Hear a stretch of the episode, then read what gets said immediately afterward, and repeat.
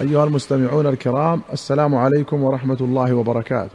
في باب المغازي والسير أخرج البخاري عن عروة بن الزبير عن المسور بن مخرمة ومروان يصدق كل واحد منهما حديث صاحبه قال خرج النبي صلى الله عليه وسلم زمن الحديبية حتى إذا كانوا ببعض الطريق قال النبي صلى الله عليه وسلم إن خالد بن الوليد بالغميم في خيل لقريش طليعة فخذوا ذات اليمين فوالله ما شعر بهم خالد حتى إذا هم بقترة الجيش أي غباره فانطلق يركض نذيرا لقريش وسار النبي صلى الله عليه وسلم حتى إذا كان بالثنية التي يهبط عليهم منها بركت به راحلته.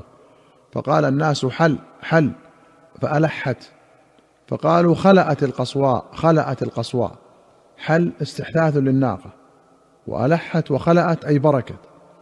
فقال النبي صلى الله عليه وسلم ما خلأت القصواء وما ذاك لها بخلق ولكن حبسها حابس الفيل.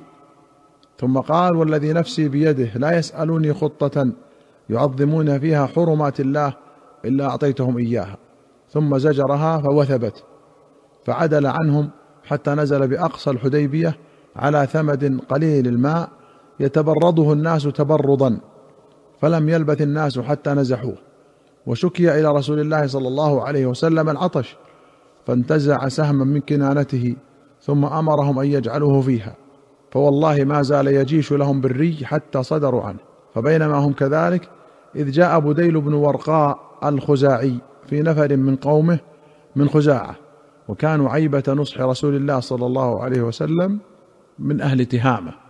فقال إني تركت كعب بن لؤي وعامر بن لؤي نزلوا أعداد مياه الحديبية معهم العوذ المطافيل وهم مقاتلوك وصادوك عن البيت.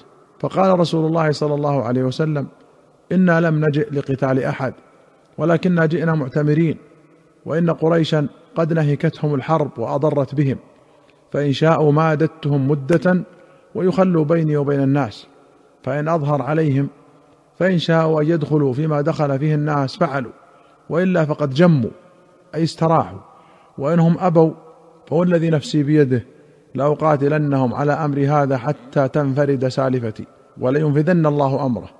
فقال بديل سأبلغهم ما تقول.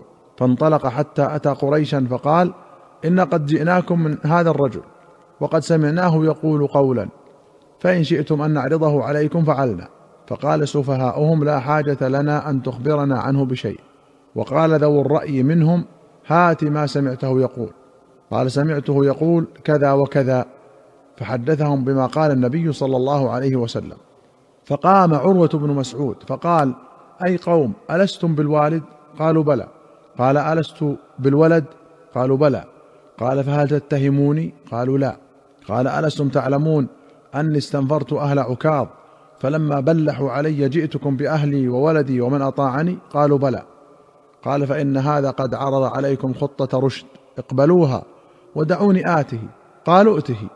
فأتاه فجعل يكلم النبي صلى الله عليه وسلم. فقال له النبي صلى الله عليه وسلم نحوا من قوله لبديل فقال عروة عند ذلك أي محمد أرأيت أن استأصلت أمر قومك؟ هل سمعت بأحد من العرب اجتاح أصله قبلك؟ وإن تكن الأخرى فإني والله لارى وجوها وإني لارى أوشابا من الناس خليقا أن يفروا ويدعوك. فقال له أبو بكر رضي الله عنه امصص ببضر اللات أنحن نفر عنه وندعه؟ فقال من ذا؟ قالوا أبو بكر. فقال أما والذي نفسي بيده؟ لولا يد كانت لك عندي لم أجزك بها لأجبتك. وجعل يكلم النبي صلى الله عليه وسلم. فكلما كلمه أخذ بلحيته. والمغيرة بن شعبة قائم على رأس النبي صلى الله عليه وسلم ومعه السيف وعليه المغفر. فكلما أهوى عروة بيده إلى لحية رسول الله صلى الله عليه وسلم ضرب يده بنعل السيف وقال أخر يدك عن لحية رسول الله صلى الله عليه وسلم. فرفع عروة رأسه فقال من هذا؟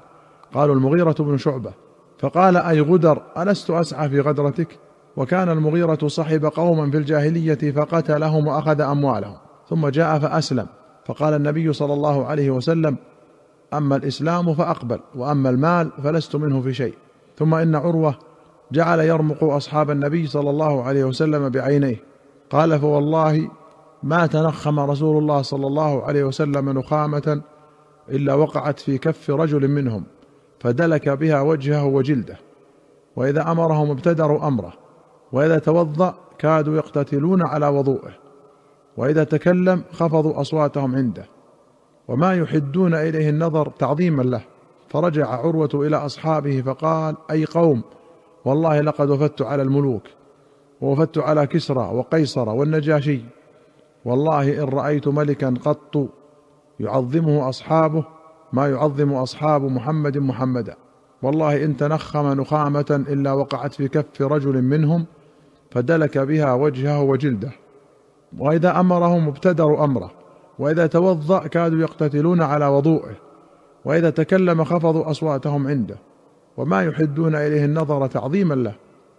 وإنه قد عرض عليكم خطة رشد فاقبلوها. فقال رجل من بني كنانة دعوني آته. فقالوا ائته. فلما أشرف على النبي صلى الله عليه وسلم وأصحابه قال رسول الله صلى الله عليه وسلم هذا فلان. وهو من قوم يعظمون البدن فابعثوها له فبعثت له واستقبله الناس يلبون. فلما رأى ذلك قال سبحان الله ما ينبغي لهؤلاء أن يصدوا عن البيت. فلما رجع إلى أصحابه قال رأيت البدن قد قلدت وأشعرت فما أرى أن يصدوا عن البيت. فقام رجل منهم يقال له مكرز بن حفص فقال دعوني آته فقالوا ائته. فلما أشرف عليهم قال النبي صلى الله عليه وسلم هذا مكرز بن حفص وهو رجل فاجر. فجعل يكلم النبي صلى الله عليه وسلم. فبينا هو يكلمه إذ جاء سهيل بن عمرو. قال معمر فأخبرني أيوب عن عكرمة أنه لما جاء سهيل قال النبي صلى الله عليه وسلم قد سهل لكم من أمركم. قال معمر قال الزهري في حديثه فجاء سهيل بن عمرو فقال هات اكتب بيننا وبينك كتابا. فدعا النبي صلى الله عليه وسلم الكاتب. فقال النبي صلى الله عليه وسلم اكتب بسم الله الرحمن الرحيم. فقال سهيل أما الرحمن فوالله ما أدري ما هو ولكن اكتب باسمك اللهم كما كنت تكتب. فقال المسلمون والله لا نكتبها إلا بسم الله الرحمن الرحيم. فقال النبي صلى الله عليه وسلم اكتب باسمك اللهم. ثم قال هذا ما قاضى عليه محمد رسول الله. فقال سهيل والله لو كنا نعلم أنك رسول الله ما صددناك عن البيت ولا قاتلناك ولكن اكتب محمد بن عبد الله. قال النبي صلى الله عليه وسلم والله إني لرسول الله وإن كذبتموني. اكتب محمد بن عبد الله. قال الزهري وذلك لقوله لا يسألوني خطة يعظمون فيها حرمات الله إلا أعطيتهم إياها. فقال له النبي صلى الله عليه وسلم على أن تخلوا بيننا وبين البيت فنطوف به.